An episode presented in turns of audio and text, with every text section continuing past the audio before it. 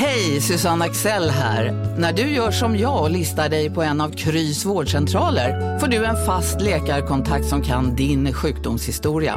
Du får träffa erfarna specialister, tillgång till lättakuten och så kan du chatta med vårdpersonalen. Så gör ditt viktigaste val idag, lista dig hos Kry.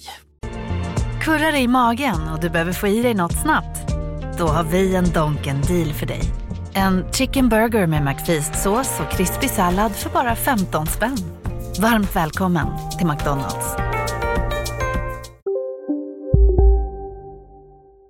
Från Monopol Media. Det här är Kapitalet med mig, Agnes Wenzel Blank. Och mig, Gunnar Harjus. Ibland, Gunnar, kan jag tänka att Kapitalet ju har gjort ett avsnitt om nästan varje bransch. Eh, det är nästan sant. Det är inte helt sant. Nej. Men det finns i alla fall en sak som vi inte har pratat om. Det är en miljarddollarindustri som ofta brukar ligga liksom i framkant vad gäller massa saker, bland annat typ teknologi. Jag pratar såklart om porr.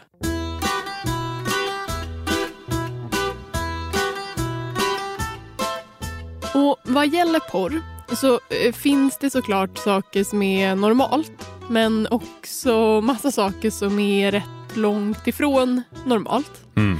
Och vad gäller ekonomin, då finns det liksom saker som funkar bra men det är också i många fall väldigt rörigt och svårt och olagligt med typ olika hemliga ägare som liksom tankar in pengar men inte vill att deras namn ska synas någonstans.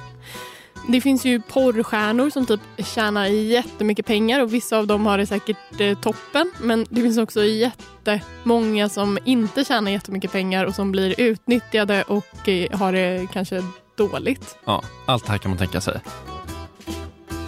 Men det finns två aktörer som jag inte tror att du tänker på som faktiskt kontrollerar stora delar av porrbranschen. Det är två aktörer som tack vare sin dominerande ställning faktiskt har fått liksom en betydande kontroll över vilken porr som produceras och inte produceras. Kort sagt vad som är okej och vad som inte är okej. Hur Visa och Mastercard styr porrmarknaden. Efter det här.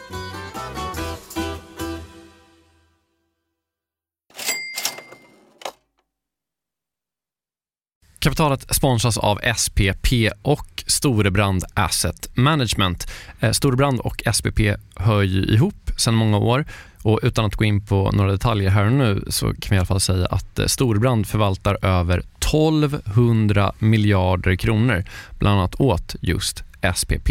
Och du har ju träffat Storebrand, Jakob, och pratat om eh, Kina Ja, eh, vi, vi pratar i alla fall om hur Kina blivit en sån otroligt viktig del i omställningen av energisystemet. Eh, över 70 procent av värdekedjorna inom vind och solkraft kontrolleras av Kina, vilket mm. är otroligt när man tänker på det. Ja. Och Det handlar om att Kina väldigt tidigt insåg att energi är makt och att man genom sol och vindkraft kan göra sig typ fri från att importera olja och gas och sånt. Then if you think that tomorrow or today's you know power base is going to in a large part be about renewables, then obviously having a stranglehold on those renewables and all the technologies that go into it is going to be part and parcel of that power play.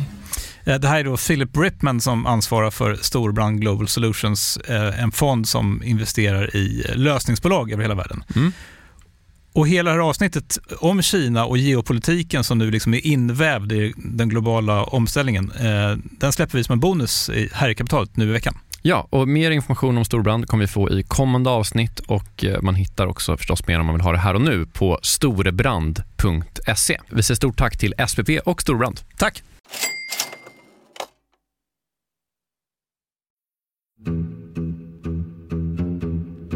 Okej Agnes, porrbranschen, det har vi sannoliken inte gjort ett avsnitt om förut, du har helt rätt. Eh, på många sätt en bransch som många andra, på andra sätt verkligen inte en bransch som alla andra. Och nu menar du alltså att Visa och Mastercard har gett sig in i den här branschen? Ja, det kan man säga. Hur gick det till? Allt börjar med internets intåg. Porrbranschen tog sig inte riktigt ut på internet på det sättet. Den tvingades ut på internet. Det här är Patricia Nilsson. Hon är journalist på Financial Times och hon har gjort en otrolig poddserie om porrens ekonomi. Den heter Hot Money. Lyssna på den, den är mm. jättebra. Enligt henne så var det ungefär så här det då gick till när porren då tvingades ut på internet. Det började egentligen på sent 80-tal, tidigt 90-tal när man hade så, här så kallade bulletin boards som var så här online chattrum där folk kunde ringa in, använda ett modem för att chatta med folk runt om i hela världen och dela bilder eller roliga skämt eller recept. Eller, och många av de här sidorna hade liksom inga regler. Så man kunde liksom, du kunde göra vad du ville. Och då blev det ju till slut så att det blev ganska mycket sex också. Och folk började då dela så här, porrbilder och det var liksom hela, hela början på om man tittar på liksom porr och, och internet. Alltså att folk stal och, och delade filer olagligt. Alltså att man delar filer olagligt på det tidiga internet, det är ju absolut inget unikt för porren. Nej. Men i typ Hollywood och inom musikindustrin och sånt, där har man på ett helt annat sätt haft råd att i alla fall i viss mån stoppa dem som delar filer olagligt genom att anlita advokater och lobbyister. Mm. Du kanske minns videon You wouldn't steal a car? Den låg i början på typ alla dvd man såg ett tag. Det som var lite synd med den videon var ju att det såg så himla coolt ut att stjäla både bilar och musik. Alltså det var ju så här, vill du vara världens coolaste? Stjäl musikhjärtat. Men porrindustrin i alla fall, de har inte alls haft samma resurser att göra den här typen av reklamfilmer och sånt och stoppa alla sajter som delar pornografiskt material utan tillstånd det som hände runt 2005, 6, 7 var ju kort efter att Youtube hade startats um, så insåg man ju att uh, på Youtube fick du inte lov att dela porr. Och då var det någon som tänkte, tänk om vi skulle göra typ samma affärsmodell men bara för porr. Och det var så det började se de första tubsajterna tubsajter, alltså eh, som Youtube fast för porr. Ja, och hela poängen med de här nya sajterna som då kommer runt mitten på 00-talet, det är att folk kan liksom ladda upp precis vad de vill utan massa regler då som på Youtube. Och nästan allt material är helt gratis för den som tittar. Folk började ju sno olika porrfilmer eller liksom, du vet, de köpte en DVD och sen så liksom laddade de upp den på liksom en porrsajt och så vidare. Och så vidare. Och det, liksom, det, det, det förstörde ju hela industrin för att helt plötsligt fanns det inget incitament längre att betala för porr. Och det här förändrar också vilken typ av porr som börjar produceras. Förut fanns ju ändå liksom riktigt satsiga produktioner. På 70-talet kunde det till exempel låta så här. Look at that bird. Gee, it's just beautiful, isn't it? I think it's, it's a red-breasted belly whopper, isn't it? I don't know. I don't know much about birds. Men i och med de här tubsajterna då, då förändras också innehållet. Istället för påkostade produktioner så blir det mer och mer korta lågbudgetklipp. Och det är alltså de här tubsajterna som lever kvar än idag. De som stal content från porrproducenter och liksom stal deras, deras inkomster. Det är liksom samma, det är samma grupp av människor som idag är liksom äger de största delarna av, av industrin. För några år sedan så lanserades ju då också en sida som heter Onlyfans som inte är en tubsajt utan där folk själva betalar för innehållet. Men den är lite en annan sak så vi ska inte gå in så mycket mer på det utan vi kommer fokusera då på tubsajterna. Mm. Och de tjänar alltså pengar på annonser. Och på den här marknaden finns några riktigt stora aktörer alla pratar om mindgeek. Alltså alla inom porr pratar om mindgeek men också antiporrlobbyn när de liksom ska ge sig på bolag så ger de sig på mindgeek. Mindgeek äger till exempel tubsajterna Pornhub, RedTube och YouPorn. Men Mindgeek äger faktiskt inte världens mest populära tubsajt. Världens mest populära tubsajt ägs av ett företag som heter WGCZ. Och det finns liksom till och med i porrbranschen, ingen vet vem de är eller de, ingen har ens hört talas om det här bolaget. Men däremot har folk i porrbranschen hört talas om då WGCZs olika hemsidor. Deras största sajt heter Xvideos och den är alltså enorm. Det är den tionde mest besökta hemsidan i världen. Oj. Alltså av alla hemsidor som finns. Medan MindGeek är ett, ja, ett professionellt, riktigt företag med ett headquarters i Montreal där liksom det jobbar tusentals människor och de har en HR-departement och liksom, ja men det är liksom ett, ett vanligt företag. Så WGCZ drivs av en fransman och det är typ så här fem personer i, liksom, i lägenhetskomplex i Prag. Patricia Nilsson har försökt ta reda på hur mycket pengar det här företaget egentligen tjänar men det har visat sig vara ganska svårt. Det är väldigt oklart för att de har väldigt komplexa företagsstrukturer så det kan finnas liksom företag i olika delar av världen eh, där liksom pengar så här läcker ut lite så det kan vara lite svårt att se för en helhetsbild. Men av att jag har kunnat se så tjänar de mindre pengar eh, än vad, vad MindGeek gör. Och varför tror hon att de tjänar mindre pengar än MindGeek om de nu har så många besökare och liksom bokstavligen har världens tionde största sajt? Antagligen är det för att eh, det här företaget är liksom lite mindre seriöst än då till exempel MindGeek. Det folk tjänar pengar på är ju som sagt annonser och den reklamen som finns på WGCZs sidor det är liksom ofta rena bedrägerier bara. De bryr sig inte så mycket om vilken typ av content de har. De bryr sig inte så mycket om vem det är som annonserar hos dem och liksom, liksom sänker värdet på, på, på något sätt. Um, men, men som sagt, jag är inte helt, jag är inte helt 100% säker på att de verkligen tjänar mindre pengar än MindGeek. Men det är vad jag har kunnat se. Okej, så det finns olika stora företag som tjänar massa pengar på porr.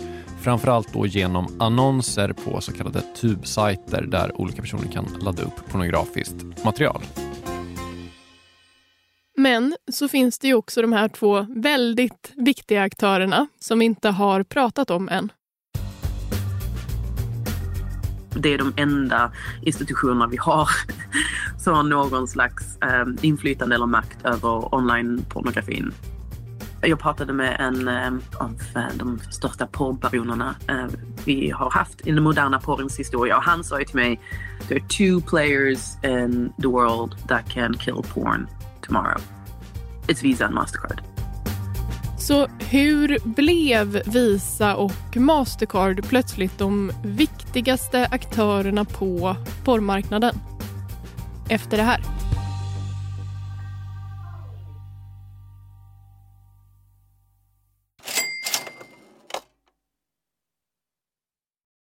Jakob, vi har ett samarbete med Pareto Business School och det här är jag rejält nyfiken på. För Ja. att eh, så här, vi jobbar ju sida vid sida, bokstavligen, sitter bredvid varandra och då och då så håller du upp ett finger och säger nu måste du vara tyst i en timme för nu ska jag eh, göra något Pareto. Exakt. Ja. Jag, gillar ju att lära mig nya saker, det, gör ju många journalister. Eh, Så den här våren går jag då en åtta veckor lång så kallad mini-MBA. Eh, Alltså jag hade gärna gått en riktig MBA också, men, men eh, ja, inte tiden det kräver och, och framförallt ingen arbetsgivare som vill betala 800 000 för att låta mig göra det. Nej, eller kanske du har. Du är ju arbetsgivaren. ja, snål, snål arbetsgivare. Mm. Eh, det- Det är då Jens Bäckbom och Mattias Eklöf, två svenska entreprenörer som har skapat den här utbildningen just eftersom det finns ett gigantiskt hål mellan typ YouTube-filmer och en, en riktig MBA. Ja, och det här är då Pareto. Exakt, Ja. Pareto MBA. Eh, Paretos utbildning kostar cirka 25 000 kronor och, och under åtta veckor så lär man sig jättepraktiska och tillämpbara modeller för hur man startar, skalar upp, driver och säljer bolag. Eh, Jens och Mattias eh, de håller själva i många av föreläsningarna. De är garvade entreprenörer båda två. Mm. Och har man så olika gästföreläsare som kom in. Mm. Typ någon kille som, som eh, var expansionschef på Spotify, någon som körde marknadsföring på Revolut, eh, en kille som driver Sveriges största campingkedja, Mm. som har varit med i kapitalet faktiskt, Johan Okej. Sör. Ja. Ja, just det. Också varit en helt otrolig svensk eh, entreprenör som byggt massor med grejer i Vietnam. Alltså makalösa berättelser. Ja, wow. Eh, Så den här kursen består av en blandning förinspelade moment och seminarier, men man går också i då så här kohorter tillsammans med andra deltagare från Sverige och utlandet. Jättenyttigt, eh, tidseffektivt och funkar jättebra för, för den som vill driva egen verksamhet som, som typ vi gör här. Eller om man typ driver projekt och affärer i större bolag. Wow. Om man är taggad på att eh, bli en del av den här, liksom, vad ska man säga, Jakob skolan om man vill bli som dig, lära sig lika mycket som, som du har lärt dig, vad, Ja. vad gör man då? Eh, Nästa kursstart är 5 april. Eh, Så vill man ta ett kliv framåt eh, i sin utveckling eller karriären eller så, eh, gå då till arbetsgivaren och kolla om du inte kan gå den här utbildningen. Eh, Priset ligger alltså på 2500 euro, men ni får 10% rabatt om ni anger Monopol Media som referens när ni eh, gör er anmälan. Mm. Eh, Man kan också gå in på paretoschool.com för att eh, läsa mer och ja, se lite smakprover från själva utbildningen. Då. Mm. Så att eh, man sparar jättemycket pengar i för att gå Handels MBA och man sparar ytterligare pengar om man tar del av eh, Monopol Media-erbjudandet. Ja, exakt. Ja, en no-brainer som vanligt. Plus att man blir ju eh, alumnkollega med mig då. Verkligen. Så stort, stort tack till eh, Pareto Business School och eh, gå in på paretoschool.com.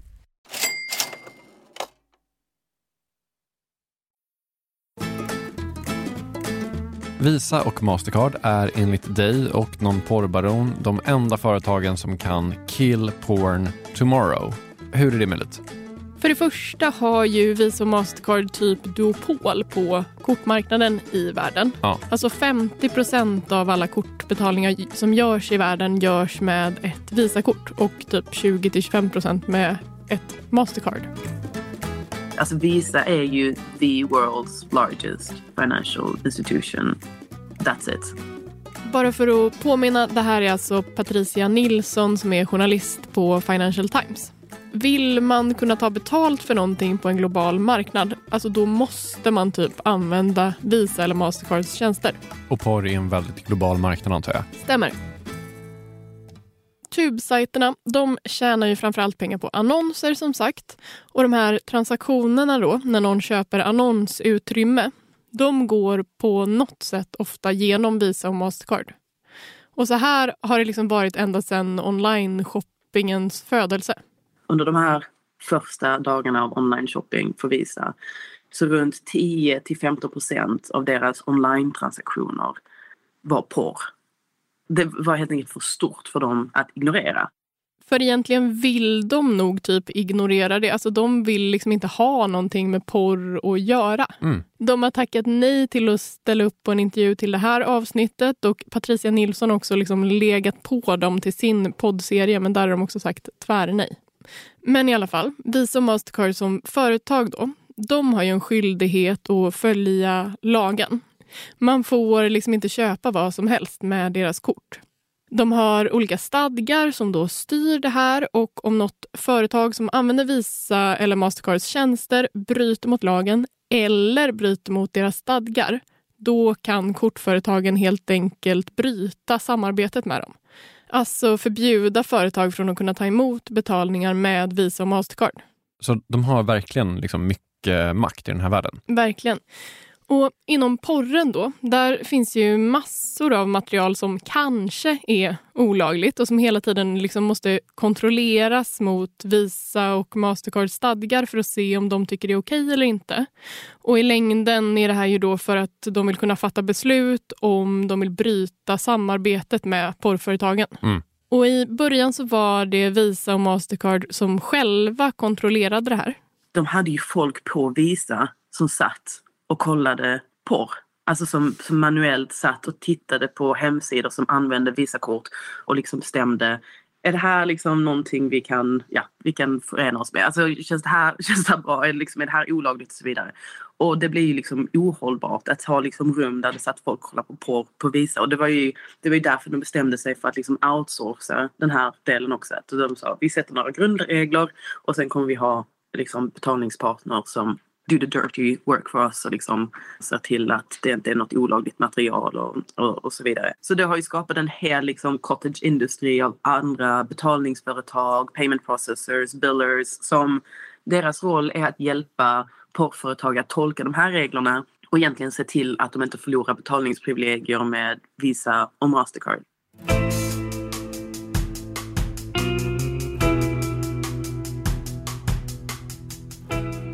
Det de här företagen då bland annat har gjort det är att de har skapat listor med regler om vad som är okej eller inte okej att visa utifrån Visa och Mastercards stadgar.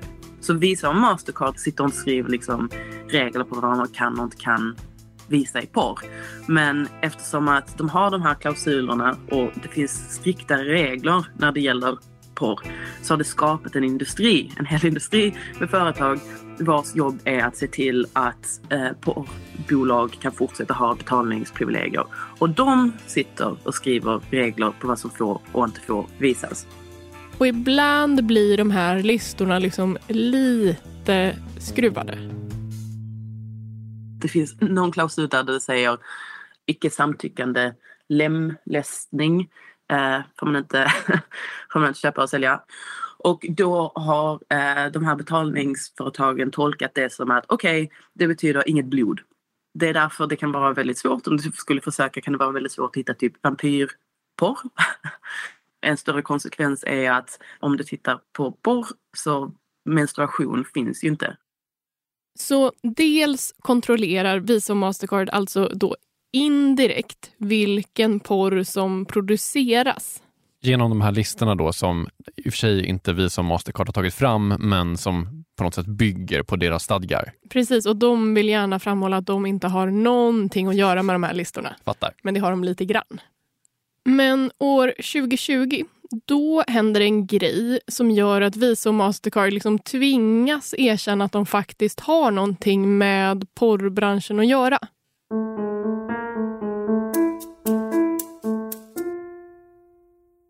En journalist publicerar en opinionsartikel i New York Times som handlar om barnporr på Pornhub. Mm -hmm. Och efter det här så bestämmer sig både Visa och Mastercard för att liksom dra tillbaka möjligheten att göra betalningar på Pornhub.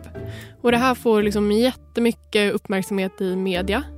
Men poängen med det är att det är ju lite av ett eh, spel för gallerierna för att den här artikeln handlade ju om Pornhub och som sagt Pornhub är en gratis sajt så du vet, du har aldrig kunnat betala med Visa och Mastercard på de här hemsidorna. Men det är också ett spel för gallerierna för man vidtar liksom inga åtgärder mot andra tubsajter. Just det, typ det där tjeckiska bolaget WGCZ eller vad det hette. Exakt. Mindgeek och Pornhub, det är liksom mycket mer kända namn ju. Och därför får de också ofta väldigt mycket mer skit från allmänheten. Men det är också typ så ett stort företag på ett annat sätt än, än de här tjeckerna. Absolut. Mm. Men trots att det då eh, till viss del är ett spel för gallerierna så får det ändå enorm betydelse. För det här leder till att Pornhub tvingas ta bort allt overifierat material allt material där man inte helt garanterat vet vem som skapat en video och vem som är med i den och att de har samtyckt till att vara med. Pornhub går alltså från 13 miljoner videos till 4 miljoner. Och i augusti i år så tar Visa och Mastercard till ytterligare åtgärder mot MindGeek som liksom drabbar dem ännu hårdare rent ekonomiskt. Man bestämmer sig för att förbjuda det dotterbolag till MindGeek som säljer alla reklamannonser till porrsajterna från att använda Visa och Mastercard. Så att de förlorar sina reklamintäkter, det vill säga typ det enda de tjänar pengar på? Exakt. Och Det här gör man för att en kvinna i USA har stämt MindGeek hon anklagar dem för att tjäna pengar på videos som hennes eh, ex-pojkvän har lagt ut där hon exploateras. Men det som är väldigt intressant med det här eh, målet är att de också har stämt Visa. Och de har sagt att Visa har hjälpt Mangik att tjäna pengar på det här illegala människoövergreppet. Så det man anklagar Visa för det är då alltså inte att man låtit sälja ett olagligt människoövergrepp utan att man tjänat pengar genom att sälja då en annons som visas bredvid något som är olagligt.